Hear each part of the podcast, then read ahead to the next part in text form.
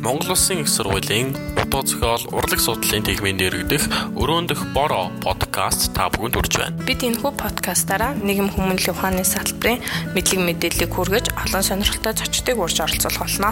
Өрөөндөх бороо академик подкаст. Сайн бацхан өрх мөнгөний сонсогчдоо та бүхэндээ Монгол Улсын их сургуулийн дэргэдэх өрөөндөх бороо подкаст нэвтрүүлгийнхээ ээлжид дугаараар мэдчилж байна. Өнөөдрийн манд дугаараар дугаарын зочноор Монголын зохиолчдын хэвлэлийн өдөр төгсөн хэвлэлийн дарга Монгол Улсын их сургуулийн утга зохиол урлаг судлалын техникийн профессор багш зохиолч долгорын Цэмжүү хүрэлцэн ирээд байна. За сайн байна уу? За сайн байна. За өнөөдөр ярих сэдвүүд гэвэл ерөнхийдөө өөрөө чинь бас гүйцэтгэж байгаа ажилтай холбоотой. А нөгөө талаас бас зохиолч гэдэг таны одоо энэ олон жил хийж ирсэн энэ одоо урлагтай чинь ерөнхийдөө холбоотой нэлээд хэдэн асуудлуудыг асууна.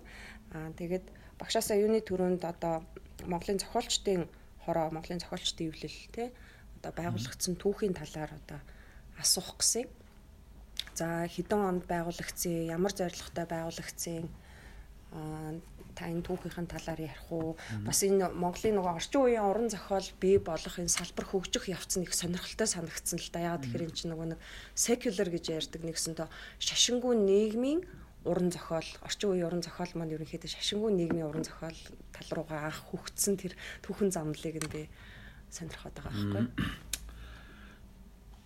За юуны мөн өрөөнд бороо гэдэг энэ их сонирхолтой нэр байна юу үнэхээр л одоо эрдэмийн одоо далай гэдэг бол энэ өрөөнд л болж байгаа. Өрөөнд болж байгаа оюун санаа, өрөөнд болж байгаа шин саналга тийм ээ. Энэ одоо энийг л би тэгж ойлгож байна. Маш сонирхолтой сайхан ажил явуулж байгаа их баяртай байж байна. За энэ удаа би Монголын зохиолчдын байгууллагын тухай ярих юм байна л да. Гэхдээ ер нь одоо манай монголчуудын асар том авяас бол одоо нэг бэлэг ухаан гэдэг л айхтар хөгжсөн ийм ард түмэн шүү дээ. Ялангуяа энэ Монголын орчин үеийн уран зохиол гэдэг бол тэр ардын аман зохиол тулгуурлагдсан.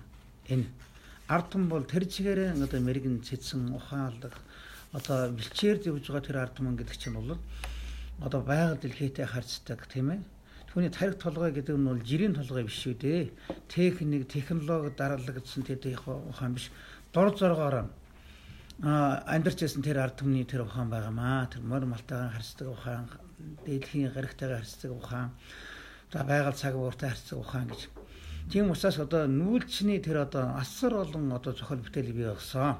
Энэ удаагийн яриа бол юу юм бэ? Нэлээд орчин үеийн уран зохиолын талаараа сонирхож байгаа шиг байна. За 1921 онд одоо ардын хувьсгал ясан. За ардын хувьсгал гэдэг бол одоо юу шүү дээ бас цоо шин одоо 90 үеийг нэлсэн юм байна. Тийм. За энэ чухам хэн нээсэн ямар үйл ажиллагаатай нээсэн тэрүүдийг би яриад явах. Тэгээ цоо шин цаг үе цаасуу нийгэм гэсэн цоо шин соёлыг шаардсан. Цоо шин урлагийг шаардсан.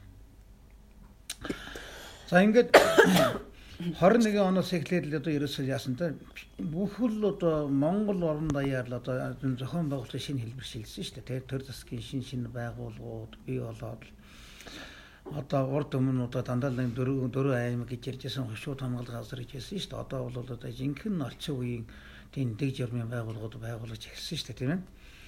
Тэгэхээр одоо тэр ардын засаг тэр ардын намч гэж яриад байдаг шүү дээ. Ардын нам л да ерөөсөл. Тэр үед намын өөр өөр бол тийм дийлөвчтэй нэх байгаагүй. Ардын засаг гэж их ярьдаг байлаа. Тэгэхээр байгуулсан цагаас ахуулаад ерөөсөл юу шин соёл гэдгийг бол их ярьж эхэлсэн л дээ. Шин соёл, шин ах, шин сэтгэлгээ тийм ээ. Тэгэл хуучин юм зад шүмлэл одоо харгас пиад лам наран тэр гэдэл одоо шүмжлэлтэй хандж байсан юм уу би. За ингээл одоо ерөөсө тэр юу шин цагт ихтэн тэр шин урлаг соёл одоо ингээд цэцгэлээд ирд юм байна л. Тэгтээ нэр л одоо энэ тэн одоо ши дугуйлан одоо уран үгийн холбоо хамтлаг Тэгээд одоо тэр үе чи яг одоо хятадын одоо шингооны одоо театр гэж байсан. Оросын бас жоохон театрууд одоо байж байсан тийм ээ. Тэр дундаас нь бол одоо 22 онд л гэж яриад байт юм да. Одоо анхны одоо ши жүжигийн дуулангууд байгуулагдсан байна. За энд хамгийн ихэвчлэн орж байсан бол Сунан Малжирын буйн юм гэдэг хүн байгаамаа. Энэ. Энэ хүн бол 22 онд буюу Одоо дөнгөж ардын хавсгал ялаад одоо тэр өлгитэл байна гэсэн үг шүү дээ. Нэг настай бай. Тэр үед л одоо сандаа хомбон гэдэг одоо жүжиг хийсэн шүү дээ. Чин сарын энэ жүжигийн хамгийн анхт энэ мөн. Тэгээ тэр үеийн зохиолчд бол одоо бүгдээрийн жүжигчин байсан байна. Бүгдээрийн зохиолч байсан байна. Бүгдээрийн жүжиг зохиож байсан байна. Бүгдээрээ оролцож байсан байна. Тэр үеийн скетнүүч гэсэн их дуртай байсан байна. Ард түмэн бол бүр гайхан биширч үзжсэн байна одоо ямар сони юм гардаг юм болоо гэж одоо тэр үед одоо 200 гаруй судалтай л нэг юу байсан байгаа ш жижигхэн шиангоны театр маяг юм байсан биз дээ тийм. Тийм. Багтаж ядж ирсэн ингээд тэр үеийн суулчийн дурсамжаар байдаг. Тэгэхээр бол одоо ер нь шинэ үеийн утга зохиолын одоо гол үүсэл нь бол одоо энэ бие энэ жүжиг шиангон янз бүрийн үзэгдэл тийм ээ.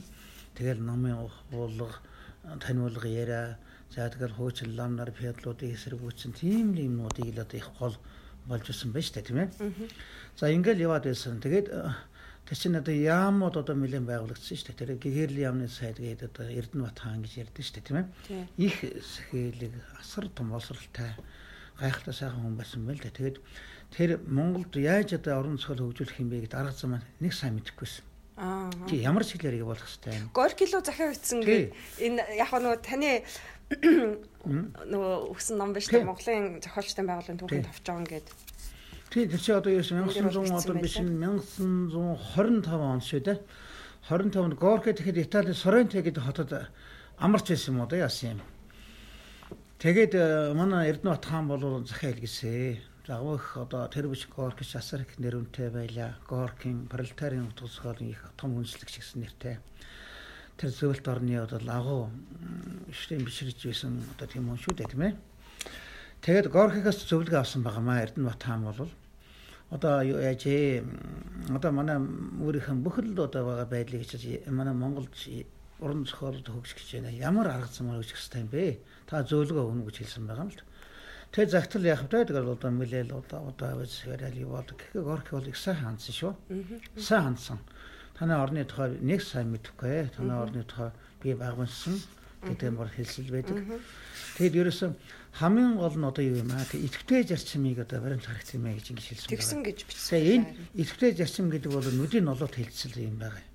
Энэ ямар нэгэн одоо энэ онл яриаг биш ямар нэгэн изм яриаг биш тийм. Тэгэхээр манай Монгол орн бол одоо энэ Азийн хоцрогдсон буурын орн гэдгийг бол язгуураар ойлгож ирсэн байна. Итгэх оюуны итгэх гэж юм байна шүү дээ.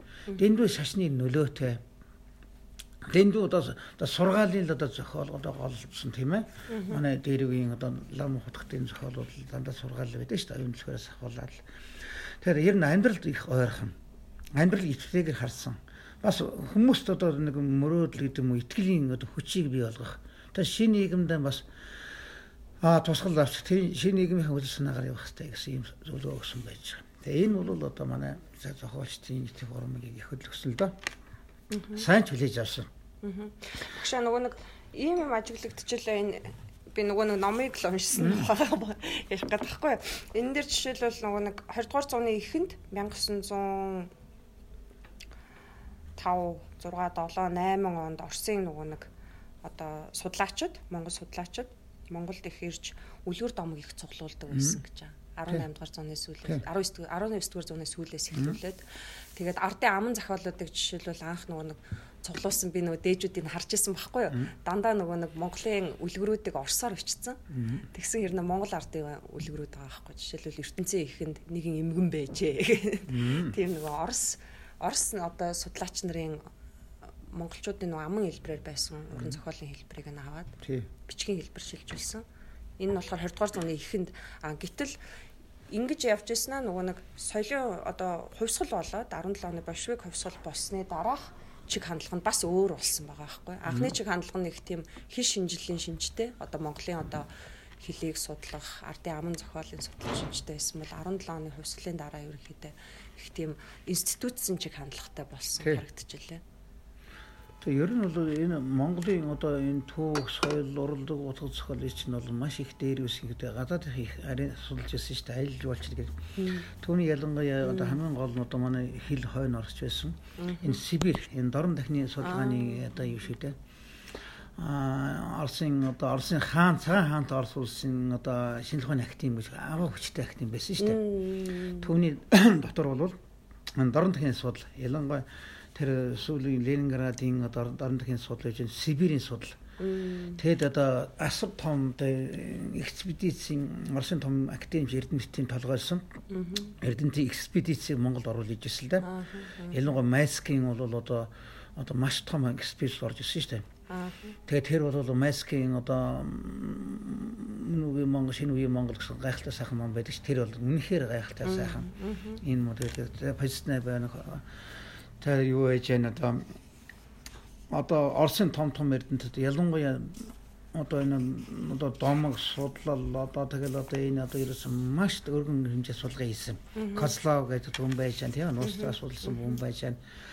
Капаровга нууцч гэж бүр их дээр Монголын нууцч анхны их л одоо гаргаж Оростоор орчуулаад тэгэд түгэнд тархсан шүү дээ. Мундаг эрдэнэт Вальдимирцев гэж одоо гайхалтай эрдэнэт юм байлаа.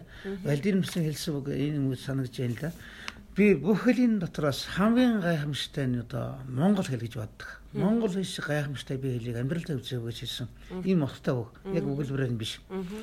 Тэгэхээр одоо энэ Дэмэрс өөрөн бол маш олон хэлтэн байсан шүү дээ. Тэгээд энэгээр чи насар том судалгаанууд хийсэн байгаа. Этнографийн судалгаа, тэгэл одоо түүхийн судалгаа, соёлын судалгаа, ардын дууны судалгаа, бөөгийн домгийн судалгаа. Гэхдээ ер нь Монгол судалгааг бол одоо энэ Орсын эрдэмтэд чинь одоо ирсэн л дээ. Суурийн тавьсан. Тэгвэл яг давхар одоо бас өөртөө ирсэн гэж юм ярьдیں бас. Тэр нь бол нэг юм Монгол орныг ер нь одоо юу энэ энэ асар их баялагтай цөөхөн хамтаа энэ ор хаашаа явах нь. Монгол хятадын нүлэнд орчих нь. Эний цааштай ер нь одоо ерөөсөө манай их Орос энэ том бодлогын глобал глобализм бодлогын одоо хэмжээнд авчих хэрэгтэй гэж. Бараг л одоо нэг эзэгэн ч гэдэг юм уу да? Тийм. Тий, хойдлын нэг эзэгэнсэн шүү дээ, тийм үү? Тэр нөгөө нэг тийм судалгаа харсан. Тийм учраас энэ зарим энийг бол жоохон торшуул. Тагнуул гэдэг юм уу да? Тагнуулын үүрэгтэй бас орж ижсэн тийм бол одоо давхар үүрэг бол байна л да. Тэгэхдээ Монголд Эрдэнэтэн болгоныг одоо яасан байли шүү? Тийм таамагтай ингэн холбоотой гэж одоо ингэж юм яриад байдаг энэ бол маш буруу юм аа бас. Хамгийн эхлээд яг тийм үүрэгтэй хийж байж болно. Тийм. Улс оронд одоо тийм байдаг шүү дээ тийм. Тэгэхдээ энд ирээд Монгол оронд хайртай болчдөг. Монгол судал хайртай болдог. Монгол соёлд хайртай болдог. Тэгээ н 20 дахь үүрэг нь бол бүдгэрээд ерөөсөө л юу энэ Монголын одоо энэ соёлын төлөө хачин сайхан илгэсэг татна өгөөд хэлсэн байдаг шүү дээ. Энэ ийм том судалгаа бол одоо явагдсан гэж. Аа тэгээд нөгөө нэг ерөнхийдөө ардын хувьсгалч болоод нөгөө нэг нэг үе бас тийм цаг үеийн тийм ороо бусгаа үе өнгөрөөд тэгээд ерөнхийдөө энэ ардын хувьсгалын дараа бол институцийн хэлбэр рүү шилжийа гэдэг энэ суурийг нь тавих нэлээд бас түүхэн үйл явц нэлээд удаан төлхөн үйл явц болсон юм байна лээ гэж би энэ номноос бол харсан. Тэгээд хамгийн сонирхолтой нь багш та түрүү нөгөө хэлсэн шийж үжиг тоглож эхэлсэн гэсэн шүү дээ. Тэгэхээр Монголын уран зохиолын жишээлбэл суур нь нөгөө нэг жүжигийн зохиолууд байгаа байхгүй юу. Жишээлбэл энэ ч нөгөө нэг анхны роман бичгээс өмнө өгүүлэлгүүд, богино өгүүлэлгүүд бичгээс өмнө тийм үү анхны бичсэн зохиолууд нь гэхээр нөгөө нэг таны төрөнд урдсан сонон болжрын буян юм бохгүй бичсэн одоо жүжигийн зохиолууд байна. Тэгэхээр энэ одоо тухайн үеийн арт түмэндээ илүү нөгөө нэг ойр дотн болох үүднээс. Нэгсэндээ тэр үед бичиг үсэг тайлагдаагүй хүмүүсийн тоон их байсан болоод тэр юм уу шийж үжгээр дамжуулж хуулан сурталчилгаа хийх. Тэгээ ер нь тэгэл урлаг гэж нь бол ил байдаг олон түмэнд их хүрдгээр яхтар шүү дээ тийм ээ. Тэгэхээр бол тэгээ ардын харилцаа дуу гэж юм байгаа. Аа. Тийм одоо сумын ноён тэргээд биш дээр ингээд харилцаа дуу. Тэгэд олон түмэд нэг үзүүлдэг харуулдаг урлаг гэдэг чинь тэгээд чихэнд нь одоо хөргөдөг урлаг, нүдэнд нь хөргөдөг урлаг, зүрх сэтгэл нь хөргөдөг урлаг болвол тэг тайзны урлаг л да. Тэгэхээр манайд улам жил бол байх нь байсан шиг хэтийн шийж үзгийн одоо энэ Монголын театрд бол хэтийн театрын жүжигчдэр байж зөндөл байж исэн. Тэгээд энэ ардын идэвхтэй зарчим гэдэг шиг л одоо ингээл одоо өнгөрсөн нийгмээс юмдлээ шүү дээ. Лам, моён энэ тэгээд номосон та бомбо оноо бороо монгор нэгэл тэрийг шүмлэн ш. Тэгэхээр чинь одоо тэр үзэгдэл маягийн хэлбэртэй. Одоо тэр зах зээлийн годомж байдаг. Тэнд очиод одоо яриа. Энэ жүжигэн тоглолт. Тэрийн дагангууд нэг ардын хувьсгалын сурсгаан сууг хийдэг.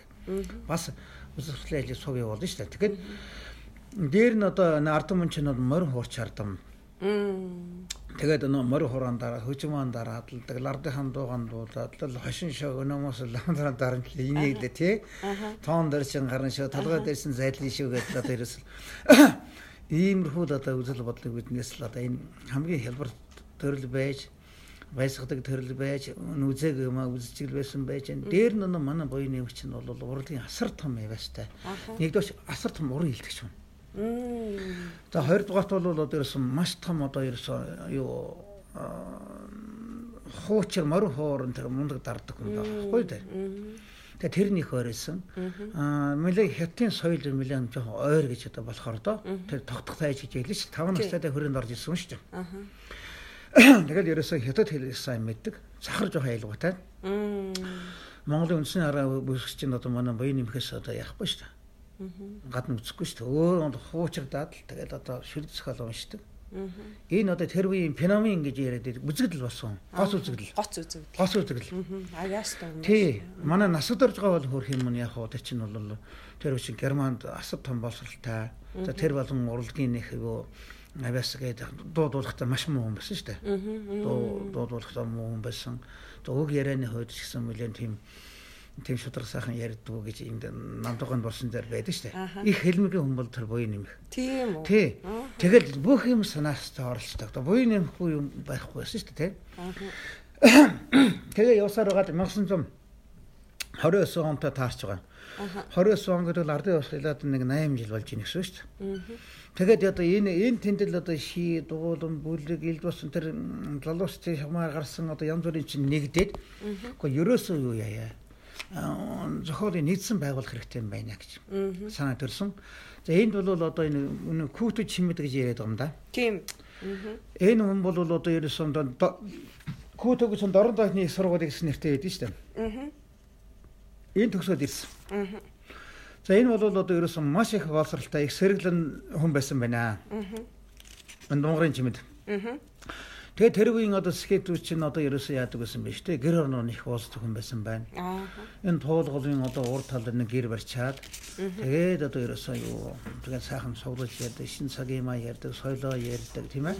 Буй нэмэх гэртээ байн байн одоо хүмүүсүүдийг урддаг, залдаг, ярьдаг. Би бол дорн тахны утга зохиол их мэддэг, уншдаг хүн гэж яадаг. Өрн тахны утга зохиолын мэдлэг надад таараа байна. Аа гэл өнө хөдөөгийн перлэ мэрлэ одоо өнө баа содно мантер гэдэг байдаг шүү дээ. Тэрийг уриал ярилцаад байдаг. Аха. Аны Европын соёл гэж ямар юм байд юм бэ? Европын онол гэж юу байд юм бэ гэл ингээл асуугаад лавлаад байдаг. Их сониуч. Их сониуч байна шүү дээ, тийм ээ. Ер нь монголч жоохон сониуч юу? Тий. Тэг гэр орноор болж өсөн явбал энэ тийм театр дээр болж өсөн энэ яриануч нь одоо байгуулга байгалах хэмжээнд яаж байгаа. Тэгээд 1920 оны 1 сарын 9-ний өдөр одоо ясан шүү дээ. Тэр үеийн намын төв орны усны суртлын хэлс гэж байсан юм билий дээ. Тэр одоо гиндэн гэж хүн байгаа. Гиндэн гэдэг хүний өрөөнд болсон юм байлээ. Би энийг чи олон сурвалжаас нэг мэдж авсан. За энэ анхны тухайстан байгуул үүсгэн тухай манай дамжин суранга да тэр үеийн үнэн байна шүү дээ. Тий. Үнэн суран 29 оны 2 дугаар сарын хэдний гэдэг бол дугаат энэ энэ шинэ бүлэн байгууллаа гэсэн нэртэй юу гарсан. Нэг юу гарсан байгаа. Аа. Шинэ байгуул байгууллаа билүү нэг хөөрхөн нэртэй тийм үг л гарсан шүү дээ. Аа. Тий. За тэгээд амин сурангоо бол одоо хамгийн эхлээд бүлгэн явуулсан тухай бичсэн. Дараа нь хөдөөгийн перлевел бичсэн байж байгаа. Замсранжуугаа бичсэн байж байгаа. А манай лодонгийн төдөвгөө бол одоо маш их дэлгэрэнгүй сайхан бичсэн байгаамаа. Тэгээд эн чинь ерөөсөө юу а тэгээ санаачлаг бол яг хоо тэр чи төвний өмнө бас 7 дугаар намын 7 дугаар хурал гэж хурлцсан. Аха. За намын 7 дугаар хурал бол өнөө түүхэн намын бишгт бол хамгийн гайхамшигтай их хурал гэж яригддаг гэсэн. Хамгийн алдартай их хурл гэж. Яагаад ийм их хурл байсан гэдэг нь тэнд чи одоо нөө одоо баруун зүүнтэн гэдэг асар том юм гараад ирсэн шүү дээ. Тий. Тий. Хоёр том намын дотор хоёр том паракс одооны хэлээр паракс. Тий. Тэгээд энэ баруунтан гэдэг бол одооны манай манай бараг баруунтны ойлголтол юм л да зүгээр хөнгөлөг чинээлэг тийм ээ. Аа. Маягаар данцсны болох шүү дээ. Аа. Тий. Ерөөсөө байж Баяжи гэж. Тэгээ бусдын мөлчгөөр төчгөн баяжи гэсэн тийм ураа лоосон манай гинтэн гош бас гаргаж илвэсэн л да. Тэгээ баруун тан ер нь одоо хөрөнгө чинээл байх юм байх хэрэгтэй гэсэн тийм үзлийг барьдаг. Одоо ч гэсэн баруунтны үзэл бас тийм байгаа ш. А социалист зүүнтний үзэл гэдэг зэрэг бол нийгэмч үзэл бөгөөд юм ядууст хамааралтай юм үзэл. Тийм. Тэгээ энэ хоёр сар намын дотор ийм дайны байл хоорондоо асар том зөрчилж намын 7 дугаар хурал дээрээс зүүнтэнг бол ялаад гардаг байсан. Тэгээ баруун оппортунист бос өгсөн норон бол гайхамшигтай хурлаа гэж ингэж түүхэн тэмдэгдсэн байт юм. Энэ 7 дугаар хурлаас ер нь одоо ерөөсөө энэ утга зохиолыг бол нэгдсэн маягаар хөгжүүлэх хэрэгтэй байна. Ядуулаг ард түмэн зориулагдсан соёл урлаг хэрэгтэй байна гэд энэ 7 дугаар хурлын үзэл санааг хэрэгжүүлэхийн тулд энэ зохиолчдын анхны бүлгэмийг байгуулсан байна. Тий. Тэгээ энд бол одоо ерөөсөө дунгарын чимэг гэдэг хүн болуулыг санаачлаг гаргаж оролцсон. Тэр намын талаас нь тэхээс өөр арга байхгүйсэн. Суртал хариуцсан байсан шүү дээ. Тэр үед хэд хэдэн гендэн байсан л да. Гэхдээ бол энэ гендэн нь бол одоо юу юм бэ? Сэлэнг аймгийн хүн юм лээ шүү. Сэлэнг аймгийн хүн хүүхд сургууль төгсөөд ирсэн. Бас хөөрхөн одоо тэр үеийн сэтгүүл соёнд бол их юм бичсэн юм хүн байна л. За ингээд 10 юу 18 хүн байгаа. 17 хүн ч гэж яриад байт юм бэлээ. 18 хүн л юм бэлээ л дээ. Хосгол хосгол зохиолчдын бүлэг мэт нэртэй байгуулагдсан байна. За энэ дотор өнөөдрийн өнөө мундагчууч нь одоо баг бүгдээрээ л одоо байгаа шүү дээ. Тэгэхээр энд ганц тодорсон өнөө сунан болжин буйны. За тэгээд одоо энэ анхныхаа одоо байгуулгаан байгуулсан дөрмэн гаргацсан шинэ үеийн утга зохиолыг хөгжүүлээ. Янз бүрийн уралдаан зохиоё, намцгаас дэмжиж гэдэг асар том одоо гоё болсон шүү дээ. Тэгээ утга зохиолын чуулган гэдэг сэтгүүл гаргая гэх тийм ээ. Ингээд Тэгэхээр энэ тэр үеийн хамгийн идэвхтэй нөлөөлж исэн тэр дунгарын чимэд одоо зарим нь бол одоо ерөөсөн их яагаад байгаа шүү. Энд буруу үзлэл их яваад идэв. Тэр үеийн төөрөөний нарийн машин дээр байсан одоо манай юу шүү дээ. Аа үлжистийн бадрах гэж юм байсан шүү дээ тийм ээ. Аха за. Тэр бадрахыг ч одоо манай утга зохиолмаар үнэлэх чухааны мэрэд идэг. Одоо энэ бол буруу үзэл. Аа үзэл бадрахгүй бол одоо юу ажил л да а зохиол бас оролдохгүйг бол оруулж байсан хүн. Бас юм бичсэн хүн байлаа. Гэхдээ төөрөө нарийн бичгийн дээр гасар том намын ажилтай. Тэр зүүнтний гол толгойлогч хүн шүү дээ. Баруунтайгаа нам дараад авцсан намын ажил их байсан учраас одоо юу бичгээ болцсон. Бодгол зохиолын үйл ажиллагаанд ихэвчлэн оролцохгүй болцсон юм уу. Аа дээр нь оцон дээр бол одоо юу дунгарын чимэд бол одоо ерөөсөн яг язгуураар нь бол утга зохиолынтай авиас билег бол бас тийм нэг заяагдаагүй Гэхдээ нийгэм асар идэвхтэй хүн. Тийм байна. Тэгэхээр одоо ерөөсөн бол ягаад тэгэхэд буян нэмэгтэл хамаг ачаа нийцсэн байхгүй. Буян нэмэгт бол одоо язуурын дөр уран зохиолын авиас биелэг бол онцгой. Авиастай. Бүх талын.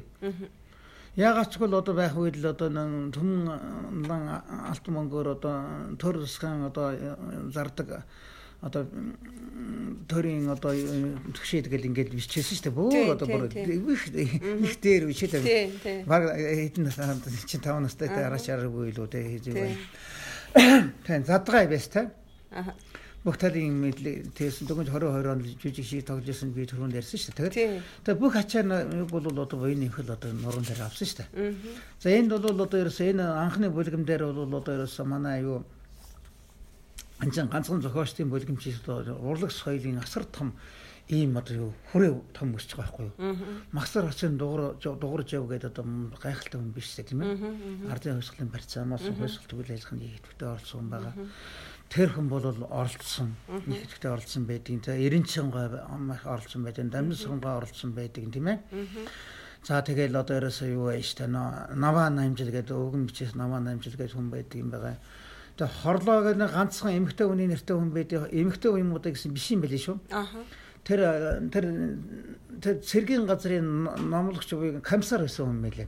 Тэргээд энд хорлооч гэдэг нэр яваад эдгийн болмооч гэсэн нэр яваад эдгийн тэм хүн баг байхгүй юм байлээ. Тэгээ хөдөөгийн перле гэдэг хүний бичсэн юмыг үзсэн чинь эмэгтэй хүний нэр байхгүй юм байлээ. Дандаа эртэшэл оролцсон юм байлээ. Тэгээд энэ түүхийг говьж болохгүй. А зарим нь бол аа тэр буян нэмэх гэж юу юм бэ? Одоо ерөөсөө юу Монголын чимэдэл одоо Монголын шинэ үе утга засаад үнэлэгчтэй гэж яриад байна. Энэ бас энэ бас төөргөл. А гэтээ зохион байгуулалт санаачлагч нь мөн. Тийм байлээ их улс төрийн идэвхтэй хүмүүс. Хамгийн ихэнд энэ бичигддэг хүн байлээ. Жишээлбэл одоо шүлгүүдийнх нь нэрийг хүртэл харахад их тийм улс төрийн идэвх нь харагддаг. Яруу алдарт лений тухай шүлэмжлэл их тийм. Тийм. Тэгэл ингээл байгуулагдсан да. Тэгэл одоо нөө уруу өсөн шуулган гэдэг одоо мондох сайхан сэтгүүл гараад ирсэн тийм үү. Уруу өсөн шуулганы чинь хамгийн анхны үгэлийг харин дунгарын чимтэйгээ бичсэн шүү дээ. Тэгэд энэ хүн бол них жоохон судалгаа би нэг хийгээд үзсэн чинь их наслаг хүн байлээ л. Хөдөөж яамны сайд тэр хийж байгаад засгийн газрын гишүүн байсан бэлээ. Тэгж байгаад яасан. Нас барцал да. Түрүүн та нөгөө нэг зохиол босгох үйл явцын талаар ярьсан шүү дээ. Их тийм нийтийн шинжтэй байсан. Нэг гэрт сууж агаад нэгнээсээ зөвлөгөө авдаг тий. Энд бас номон дээр бас бичсэн л лээ. Жишээлбэл одоо зохиол бол хамтын бүтээл гэж нэрлэдэг байсан.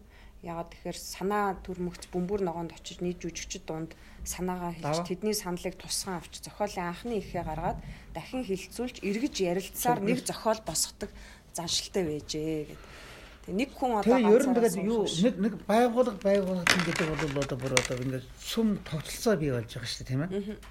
Энэ бол зинхэнэ дэглэмтэй, журамтай, бүрэмтэй, уулзаг цаг хугацаатай. Тэгээд тэндээс нэг шийдсэн хөөх юм байдаг нэг. Тэр сар болгон уулзъя гэсэн байна. За сар болгон уулзтан заавал хоос ирэх биш нөхдүүд ээ. Ганцхан юмтай ирэн шүү гээд бүгдээрээ шүл зохиолтой ирэн шүү гэсэн. Тэгээд сарын дараа суулсан. Тэгсэн чи одоо нөө нэг сугалсан улсуудаас зарим ч ирэх юм болсон. Тэр үе нөө сони сэтгүүл үнэн сонь ингээл гарч ил байсан шүү дээ. Тэр сонины хэвлэнш дээрх юм байсан улсууд байсан юм билээ л дээ. Тэгээд нөө цөөн их хөөрхөн юутай авиастай бэлэгтэй. Тийм улсууд нь яваад ирсэн байна. За тэгээд энэ хоорондоо одоо ингээд ярьцдаг болсон байна. За утга цоолын талаар ярина. Одоо ерөөсө за тэр шүлэг авмаш нэг тэгэл тал талаас нь одоо шүүмжлэн тийм ээ. Маш одоо ерөөсө яадаг байсан биш тийм нэг хурц дайчин байдгүйсэн баг. Юм юм нөө болсордгоо хүн жоохон тэнэг байдаг гэдэг шиг бол тэр үед нутаг цуулын чиглэж байгаагүй он он гэдэг ачим дайчин. Одоо ерөөсөө одоо болсон юм чи одоо баг болоогүй шиг мэт үздэг болоогүй юм болсон мэт үздэг тийм ээ. Тэгж яж яад юм ба штэ? Хөгждөг. Аха чиглэлээ олдог зөв чигээ олдог. Тэгээд 5 минутын одоо шүлэг гэдэг уралдаан зарласан байгаа шүү дээ. 5 минутын дотор одоо шүлэг зохионоо гэл. Энэ одоо утга зохиолын хөдөлгөөн гэдэг бол гайхалтай. Тэгээд тэнд бол 70 утгатай шүлэг гэдэг онлыг бол манай манай буйны гаргаад ирсэн шүү дээ. Би энд ганцхан шүлэг одоо нэг шээсэн дуу шүлэг уншил да. Тий. Модны дундаас бод мод үжиглэн найган суухуд шуурын дотор тош шуу байсан дуулан ирээд таван өнгийн өдсөд навч навч навчин хавцнаас намирч нэгэн зурус яруу уг нь мянган нанд таацсан мó гэж. За энэ таацгаа энэ үүний тухайг энийг ингээ ярьдаг. Тэгээд зарим нь одоо энэ за ийм утгатай буваа гээл одоо ингээ тайлдаг байсан шүү дээ. Тэгэхээр бүр даалд утгатай одооны бид яриад байгаа хийс сэтгэлгээний одоо урлаг гэдгийг чинь бол манай буян юм тэр үед л одоо бас гаргаад ирсэн. Энийг даалгарыг шүүмжилсэн шүү дээ буйны эмхийг бол энэ одоо бүр утга зохиолыг одоо үнэн байдлаас гажуудуулсан хүний ойлгомжгүй бичсэн утга зохиол хамгийн ойлгомжтой байх хэрэгтэй үлгэр мэт байх хэрэгтэй домог мэт байх хэрэгтэй гэж гэтэл энэ мөн буйны эмчүүд ямар юм яриад байгаа юм бэ? Хин ч ойлгохгүй солиотой галзуу юм гаргалаа гэж. Тийм учраас энэ үзэгдлийг судлах хэрэгтэй байгаа тэгэхээр энд буйны эмхийн гайхалтай ганц юм хэлсэн байгаа. Нэгэн зурус яруу уг нь мянган ланд таацсан уу гэж. Энэ бол Майковскийн одоо ерөөсөн нэг үгийг олохын тулд мянган үгийн хөдрийг эвдэнэ гэдэг үгтэй энэ тэнцэж байгаа байхгүй юу. Тэгэхээр Монгол үг мохон зохиолч үг бол мундаг байгаас. Тийм ээ. Гэх мэтэр. Тэгэл одоо ерөөсөө яасан шүү дээ. Одоо ерөөсөө утга зохиолын хөлгөн гэж маш том одоо хөлгөнүүд гарсан шүү дээ. Улсын хэмжээний уралдаан зарлсан. Одоо бид одоо юу байгаа л одоо манай шүүмжлэн ханд тэр үеийн одоо Монгол ардын одоо хойсгалт нам гэдэг бол энэ асар их дэмжсэн. Аа урлаг утга зохиолыг. Тэгээ би энд багшаа бас хүүхийг ингээд уншиж хахад ерөнхийдөө Монголын одоо орчин үеийн төрт улсыг байгуулахад энэ Монголын сэхэтнүүд гэж ярьдаг. Ерөнхийдөө ялангуяа яруу найрагч нар аа зохиолчд, яруу найрагчд одоо энэ сэхэтнүүд маань ерөнхийдөө маш их идэвхтэй оролцдог. Дээрэс нь эдгээр хүмүүсүүдийн баг одоо энэ сэтгэлгээн дээр тулгуурлаж тэр төр улсыг бол байгуулсан гэдэг нь бол түүхээс бол харагдчихл байлээ л дээ. Би энэ өчтөр уншижсэн. Их сонирхолтой түүх явж илээ. Жишээлбэл одоо ингэж юм л та хурлуудаа одоо энэ Монгол ардын 9 дугаар сарын 23-наас хуралдсан Монгол ардын хувьсгалт намын 4 дуурийг хурал зохиолч Дамбт орж Наван намжилнаар төлөөлөгчөөр оролцуулмаар Дамбт орж намын төв хорооны дараагаар Наван намжил төв хорооны орлогч дараагаар сонгогдсон. Тэгэхээр одоо нөгөө нэг төр улсын одоо хамгийн гол төв аппарат нь байгаа шүү дээ. Тэр чинь тэр үедэнд намын төв хороо байсан тий. Тэр аппаратынх нь бүр гişүүнээр ингээд одоо яруу найрагчээд тэгээд энэ зохиолчтой ингээд сонгож байсан гэдэг бичсэн байгаа их сонирхолтой.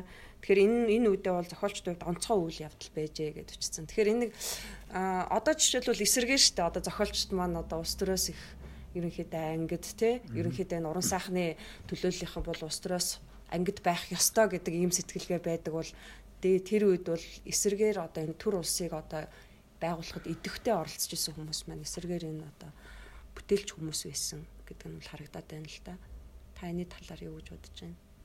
Ер нь аливаа нийгмийн хувьсгалын чинь бол одоо сэхэтэн соёлчуд тэр гаргадаг шүү дээ тийм ээ. Одоо манай бодоо гол бичгийн том хүн байж шүү дээ тийм ээ.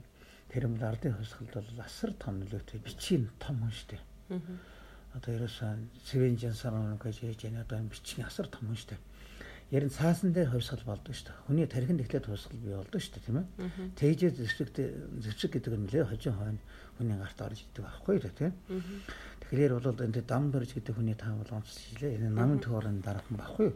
Толбот муу гэж манай анхны туужийг бичсэн хүн шүү дээ. Тол гэдэг манай сагаантан бүслэгдээ 40 20 онд бүслэгдсэн тэр үйл явдлыг яг амьд Энийг сайн судлах хэрэгтэй байгаа юм да. Уул нь Монголын анхны тууж. Энэ хүн чинь туурын нарийн туурын дарга болохдоо л одоо ерөөсөн энэ яасан штэ ганц одоо манай Монголын залуучууд энэ одоо энэ энэ тал нутаа байгаа гэж болохгүй нэ.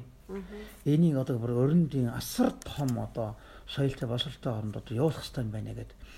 Тэгээд одоо яасан штэ одоо ерөөсөө юу Монголын шилдэг шилдэг залуучууд Германд, Францад тэгсэн байлээ. Тэр бичиг одоо өөр одоо ерөөсөө юунд одоо өлтөр явуулсан байдаг шүү дээ. Одоо бүр Америкт ч одоо баг явуулсан их бол явсаар бол очсон юм байт юм байл л. Тэгж явуулсан. Тэгэхэд тэдний сэгтэг бодол одоо алсын бодлого гэж нэг юм байна шүү дээ тийм ээ. Алсуур бодлого гэдэг ухаан гэдэг Монгол хүний одоо доторд байдаг асар том хүн ухаан юм да. Хөөхө тэгээд хэлмэгдээд л одоо байхгүй болоод одоо балараад ирсэн шүү дээ. Энэ яагаад одоо 29 онд 1 сарын 9-нд байгуулагдсан Монголын хосгос зохиолчдын бүлгэнд насад орж намд хоёр яг байхгүйсэн гэтэн дэрэг энэ нь юу болсон бай. Герман суралц байсан үе. Тий. Тэгээд татагдгаасан одоо араа ирээгүй. Тэгээд манай тэгэл 29 оны намар сүүлээр 30-аад оны үед бүгдээр нь татагдал яваад ирсэн. 90-гүйлээд нь утгац хөдөлгөөн чинь тэр чигээр оролцсон байна. Тий. Ингээ явсан би шүү. Тэгээ дараа нь би нэг өөрт ярихад бол одоо энэ юу 1931 онд Марс гэдгийг байгуулсан. Энэ бол одоо ерөөсөө Монголын зохиолчтой хэвлэлийн хамгийн анхны их том бүтэц. Их том байгууллага. Одоо өсөөл байгаас. Тийм. Одоо 4 жилийн дараа энэ бол одоо их хөөрхөн одоо нийлэл байдаг шүү. Монголын асаж суудсан революцийн зохиолчдын гэдэг ийм Орос Монгол хоёр үеийн нэртэй байна. Тэр үеийн одоо жоохон одоо жоохон жоохон тийм цаг үеийн нэг жоохон одоо нэг жоохон хинээр хэлэхэд юу юм дээ. Энэ Оросоор гайхуулж ярьдаг. Орос Монгол холж ярьсан хүн бол э, их соёлтой болдог. Одоо гангарч байгаа юм. Тий. Одоо англи одоо Монгол ярьсан хүн бол их мундаг хүн болоод байна шүү дээ, тий. Социализмын үед бол Орос Монгол хол ярьсан их сэхэтэн гэж ярьдаг. Одоо бидний үе чинь одоо жигтэй хийгээд байсан. Гэтэл энэ байгууллагын нэрэн дээр хүртэл ингэж ярьсан. Тийм, Монгольская ассоциация революционных зохиолчд. Тийм, зохиолчд. Дараа нь Марл гэдэг байгаа тэ чинь литератури гэдэг үг шууд норсон байдаг. Тийм. Энэ бол яг хөө цаг үеийн явдал том үйл явдал шүү дээ тийм ээ.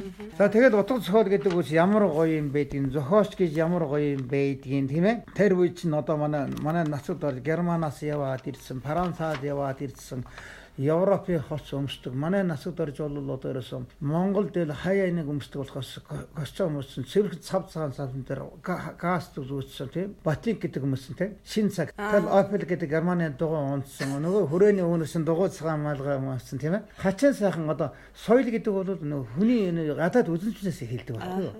Тий дээр нь одоо дотоод тархинд болж байгаа үйл явдлаас шүү дээ. Энэ нийлж бод. Одоо ч манайхан одоо нэг 90-ад оны үеийн солонгос байхын дураа халин хүсэн ч гэсэн өөрөөлгөл байсан шүү дээ. Тэгээд энэ цугаар нь бий болдог. Багшаа та түрүү нөгөө дурдсан толб нуур гэдэг анхны тууж гэдээ ярьжсэн. Одоо багшаа нөгөө төрөл зураагаа орё. Нэвтрүүлгийнхаа энэ ярилцлагын хоёр дахь хэсгээ та өөрөө зохиолч хүн учраас илүү сайн мэдж байгаа энэ Монголд энэ арман гэдэг энэ төрөл зүйл яаж үүссэн? Орчин үеийн тууж эн чинь одоо нөгөө нэг хүний амьдралыг харуулдаг зохиол орж ирж штэ бурхны шашны сургаалаас илүү зан үйлийн сургаалаас илүү одоо хүмүүсийн амьдралыг харуулдаг ийм зохиолын нэг төрөл зүйлийг би сонирхоод байгаа байхгүй. Монголд яаж үүссэн роман гэдэг юм яаж бий болсон юм? За энэ үед би бас нэг юу нэг нэг зурус би байгаа юм. За 30-аад оны үед ингээд одоо мундаг тусгал хөгжөөд одоо их мундаг болж исэн зохиолч бий болоод зохиолч гэдэг нэр бий болгоод улсын эрхэм алдар зохиол соол шинжлэх бол хамгийн дээд буян нөхөй 300 лам мөнгөөр шагнажсэн шүү дээ. Тэгэхээр энэ нутаг зохиолыг хөхөлн дэмжижсэн байгаа ш. За ингэж байтал чинь амар муухай хэлмэгдэл бас 1937 онд. За энэ бол манай Монголын зохиолчд хамгийн том эмгэлтэй үе эхэлсэн. Бүх зохиолч баримтлагдсан одоо 90 чин намын сүрэн байж байгаа тийм ээ. Тэгээ гурван зохиолч шууд буудан цаазаар хороосон байдаг ш. Монголын утга зохиол нь од болон гэлж явсан. Одоо манай нэмэх байж байна. Монголын шинэ утга зохиолын үнэлэгчийн нэг. За үнэлэгч гэж ярих юм боли. Үнэлэгчийн нэг гэж ярив. Ой нэмхийг одоо ерөөсөн одоо хэлмэгдүүлээд 37 онд яг яг бууд жалаагүй ч гэсэн шарааданд явж байгаа орн тэр замдаа бол одоо бачимдаа зүрхэн дэлбэрч өгсөн гэж ярьдیں۔ Та борон юу гэдэг маргалцал гэж яриад идэв мэдэхгүй. За тэр нь энэ түүх энийг бол судлах хэрэгтэй. 20 дугаар удаа цолын асар том зүтгэлтэн эрхэм алдар зохиолч аюуш гэж юм байсан. Ши аюуш гэж ярьдаг гэсэн. Тэр үнээс азар авсан. Дараа нь улсын прокурор байсан одоо мөрдөндийн ядам сүрэн гэж юм байсан. Нийгмийн Оросоор гайхалтай ярьдаг. Асар том скетэн. За энэ үнээс азар авсан. Гурван хүн одоо асар том одоо лидер гэж яриад байдаг ш. Манлайлагч, ашуусгч хүнийг цаазаар авчихсан. Монголын утга зохиол тэр чигээр хүмүүсийн тоогонд юм шиг нөр хин битэн гэдэг шиг Тэгээд эрен чин дамнас наваа наваа юундан намдаг тэгээд бүх хүний одоо цаазаарч яасан багш шоронд хийсэн. Тэнд хамгийн хүчтэй хэлмэгсэн бол наваа юундан гэж тэр соёл эрдэнэ гэдэг гайхалтай дуу хийсэн хүн. Энэ бол 12 жил шоронд байсан шүү дээ. Би галзууш өглөө шүү гэж одоо бүр 8 удаа захиа хөвсөн бид шоосонд. За энийг би түр ахи Тэгэж явсаар байгаад 48 онд олгосон байна. 48 оны 4 сарын 1-ний өдөр бол Монголын зохиолчдын анх тур хурал оролцсон. За эндээс бол одоо утга цорын бүх төрлийн хөгжүүл яалаа гэж. 48 он. Тий. 48 он. За энэ утга цор яаж хөгжих хэвтэй юм бэ гэл. Одоо тэр реализм гэж нэг юм байна л гэж яриад байгаа тий. Тий. Тэ зөвлөлт оронд бол социалист реализм гэж нэг нэг тоо дайчин чанараараа одоо тийшээ дайрах нь шүү дээ. За энэ дээр бол нэг хувьсгал реализм гэдэг бичье гэдэг ерөөсөө тийм ээ. Энэ энэ онлыг одоо бас гаргаад ирсэн байгаа шүү. Энэ бол тэгээ реализм гэдэг бол бид юм асар одоо амьдралын үнний бичье тийм ээ. Уран сайхантай бичье. За зүйн хэмжээнд одоо хөрөхгүй байх. Тийм учраас манайд бол хувьсгал реализм гэдэг нь таарах юм байна гэд. Хувьсгал социал реализм гэж ярихгүй. Хувьсгал реализм. За ингээд утга зохиол бүх төрлийн хөгжүүлэх гэсэн. Тэгэл одоо ерөөсөн 49 онд анхны арман гараад ирсэн баг шүү дээ. Энэ анхны арам бол одоо лодо домбын одоо алтайд гэдэг арам байгаа байхгүй юу? Дараа нь одоо энэ минь дараа чинь манай эрен чимгаанд өөрийн тоя гэдэг арам гараад ирсэн байгаа. Тэгэхээр лодо дом гэдэг хүн бол өөр нь дараа хүн хөө юм уу? Тэр утга зохиолын төрлийг одоо за яхад эндөө гайхуулсан болно гэдэг юм уу? Одоо ерөөсөө юу арман гэж зүрхлээг байхгүй юу? Тууж гэсэн маягаар. Тий. Тэгэд өнөөдрийн хүртэл Монголын анхны арман одоо алтайд юм уу? Эренчин өөрөнд хаймаа гэж ирээд идэг. Яг нэрэнд аа лодо дамби хатаад энэ арман гэж анхны арман гэж өсөхтэй би өөрөө үзэж байгаа байхгүй тий. Тэгэд өрөндөд бол одоо арман ассамбленд залхацсан арман үе дууслаа гэж ярьж байх үед Монгол бол арман өсөж бий бас. Ингээд одоо ерөөсөө 50 дон гэхэд л одоо ерөөсөө 60 дон гэхэд арманы одоо хойноос нь сууж гарсан ш. Тэр залуучууд.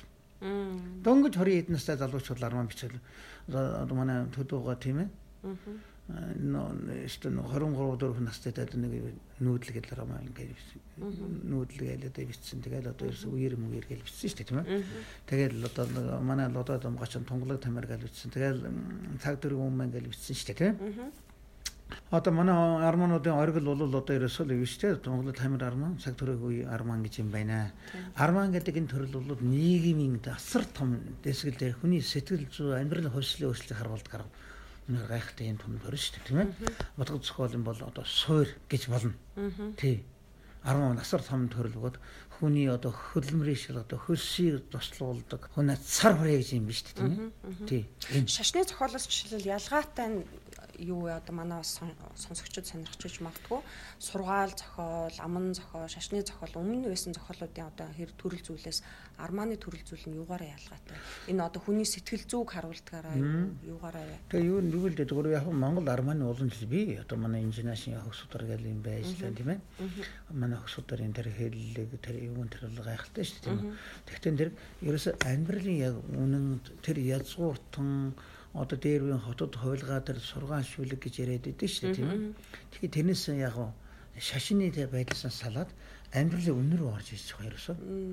Тэгээ хүний хүн гэдэг амт чинь таагч амт шүү дээ. Хүнийг дүр болгоод тэрийг одоо үйл явдал орооцолдуулаад янз бүр үйл орооцолдуулаад тэгээ сэтгэл сэтгэл зүй дотоод ертөнц тэгээ нийгэм хосголтой Ер нь манай Монголын 10 минут бол дандаа нэг хойсгот үйл явдалтай яаж ирсэн л да.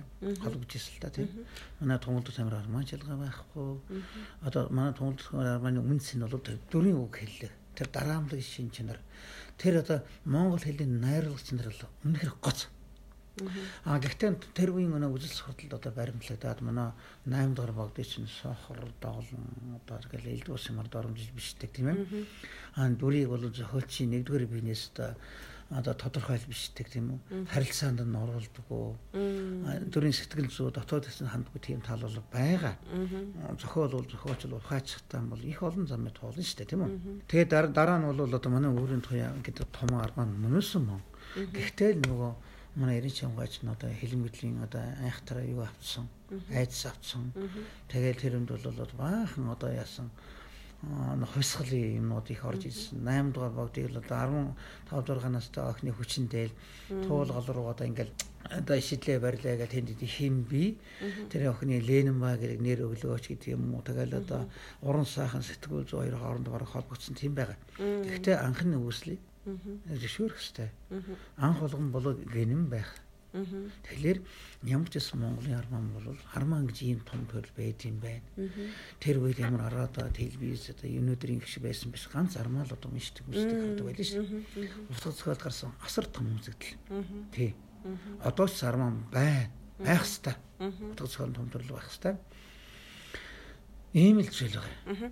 Багш нөгөө нэг төдууга нүүдэлгээ дарамаа ярьсан чинь би бас сонирхоод нөгөө ноднон та хурал дээр нүүдэлч реализм гэдэг нэг утга зохиолын онол гэж танилцуулж байсан шүү дээ. Жишээлбэл одоо ерөнхийдөө зохиолж байгаа утга зохиолын онол гэх юм бол голдоо нөгөө өрний утга зохиолын одоо онлын түүхтэй холбогдоод явцдаг уран зохиолын түүхтэй. Гэтэл манай Монголын түүх чинь өөр шүү дээ. Одоо социалист нийгмийн түүхтэй улс орны хувьд бол яалтчгүй одоо тэр соцреализм гэж яриад байгаа юм хүчтэй байсан. А гэтэл социализмын дараах нийгмийн дараад гэх юм бол одоо ямар онлын хувьд ямар чиг хандлага байж болох уу? Тий.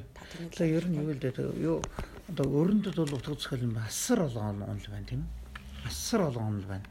За дорн тахилын онол гэдэг одоо бас юм байна. Одоо бүр манай одоо зохис аюулгүй зохис дандины зохис аюулгүй чинь одоо бүр манай тоолын 5 дугаар билүү 4 дугаар зууны бид л одоо гарс асар том онол шүү дээ тийм ээ.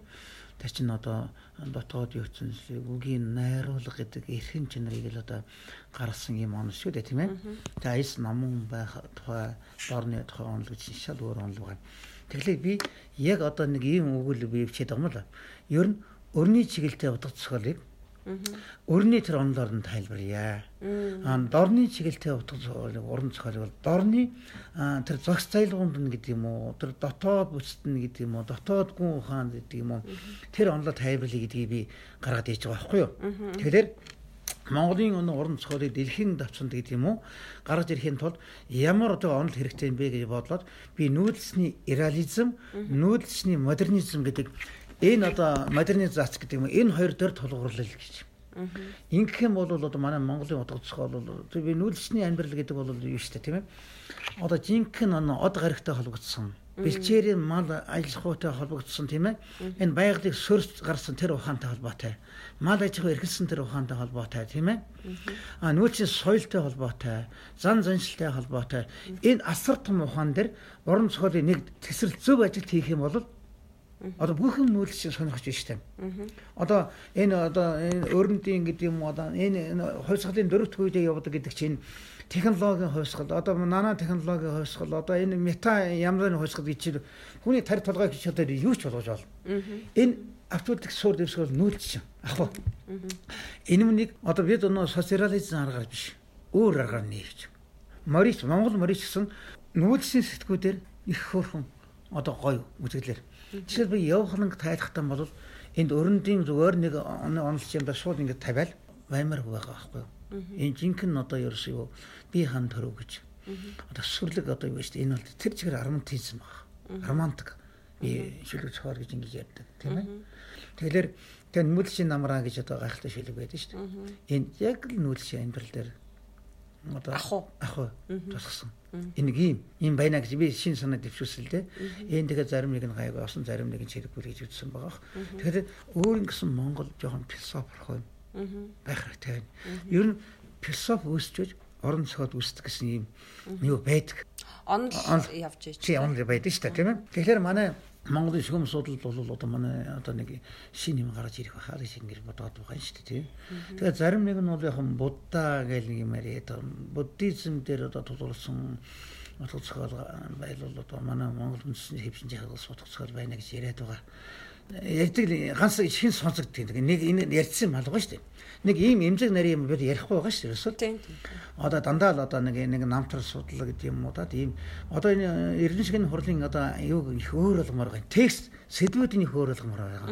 Жог маргаан сэдв гэдэг юм уу? Жог онлын юм уу ормоор байгаа юм. Өрөндөө юун зохистой юм, дорнодын онл юун зохистой юм. Бид юун ямар байр сууринд байх хэрэгтэй юм тийм ээ. Би яг нариндаа нэг юу Монголын одоо үндэсний их удаа зохиолыг хөгжүүлэх 10 жилийн үндэсний програм гэдэг нэг юм хийцсэн. Хүүцэн бол яг та бас нэг юм орлогод байсан билээ шинжилгээ хийсэн. Тэгэд энийг би нэг одоо яхансан зохиолч тээврийн энэ дараа ухаантай нэг юм юм байна шүү дээ нэр. За нэг ийм ийм нэг нэг төсөл програм хийгээл. Тэгэл нэг яачихсан гэж жоохон том хараал аа нэг суурь тимийг бий болгочихсан л гэж бодоод мэрийгээд яваад байгаа. За багшаа ингээд манай нэвтрүүлгийн цаг маань ч өндөрлөх одоо төгөж байна.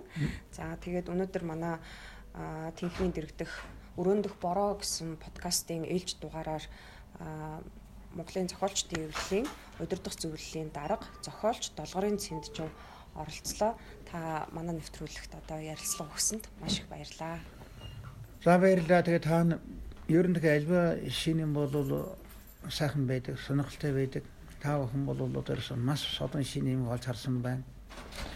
Одоо энэ мэдээлэл хэвлийн энэ утга зохиолыг ялан уран зохиолыг одоо ерөөсөн түгээх уран зохиол юу юм тийм ээ оюухан гэж юу юм энэ оюун салбарт ямар байр суурь эзлэх систем энэ зөв оюуны хувьсгал хийх цаг ерөөсөн болсон байна ер нь жоохон гэгэрийн хувьсгал одоо ногоон хувьсгал гээл одоо нэг жоохон нүдэнд харагдж байгаа юм ийг л одоо өөрсдөө хувьсын тухай юм яриад байдаг энэ оюуныг энэ урлаг утга зохиолыг хөгжүүлэхгүйгээр төрийн болог болохгүйгээр ерөөсөө дэвшгүй эдийн засаг эдийн засаг дахиад нэмэх нь эдийн засаг ингээ ашгараад байдаг.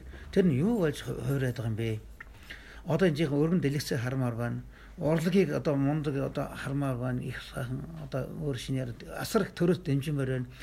Тэгээ холбоодын чи яа дэмжсэн Америкийн төрөл засаг шууд 100 сая доллар шууд хаяал Америкийн одоо юу киног дэлхийд гаргах гэдэг ингээ зарлцсан л байж байгаа шүү дээ. Тийм учраас энэ одоо би энэ яриаг бол тань сайш там бол одоо энэ төр засгийн зүрх сэтгэлд нь хүртэл одоо явуулмаар байна олон том. Тэг гэгэрлийг авчирч байгаа явал их сайхан байна. За оюуны бороо гэл өрөндөх бороо. Өрөндөх бороо гэдэг өө болгон нэг үзэл бодол байгаа. Чингис хааны үзэлээс угаач миний удам өгсөнд одоо язгуур муу хүн байх, оюухан нэг муу хүн байх гэж хэлсэн байгаа шүү. Тэгэхээр Монгол улсын их сургууль гэдэг бол оюуны гэрэл санхаг мөн. Тэгээ санхаг болгон өөрөө болгоноо ороорой. Өөрөө болгон шинийг сонсоороо за баярлаа. Баярлаа багшаа. За баярлаа.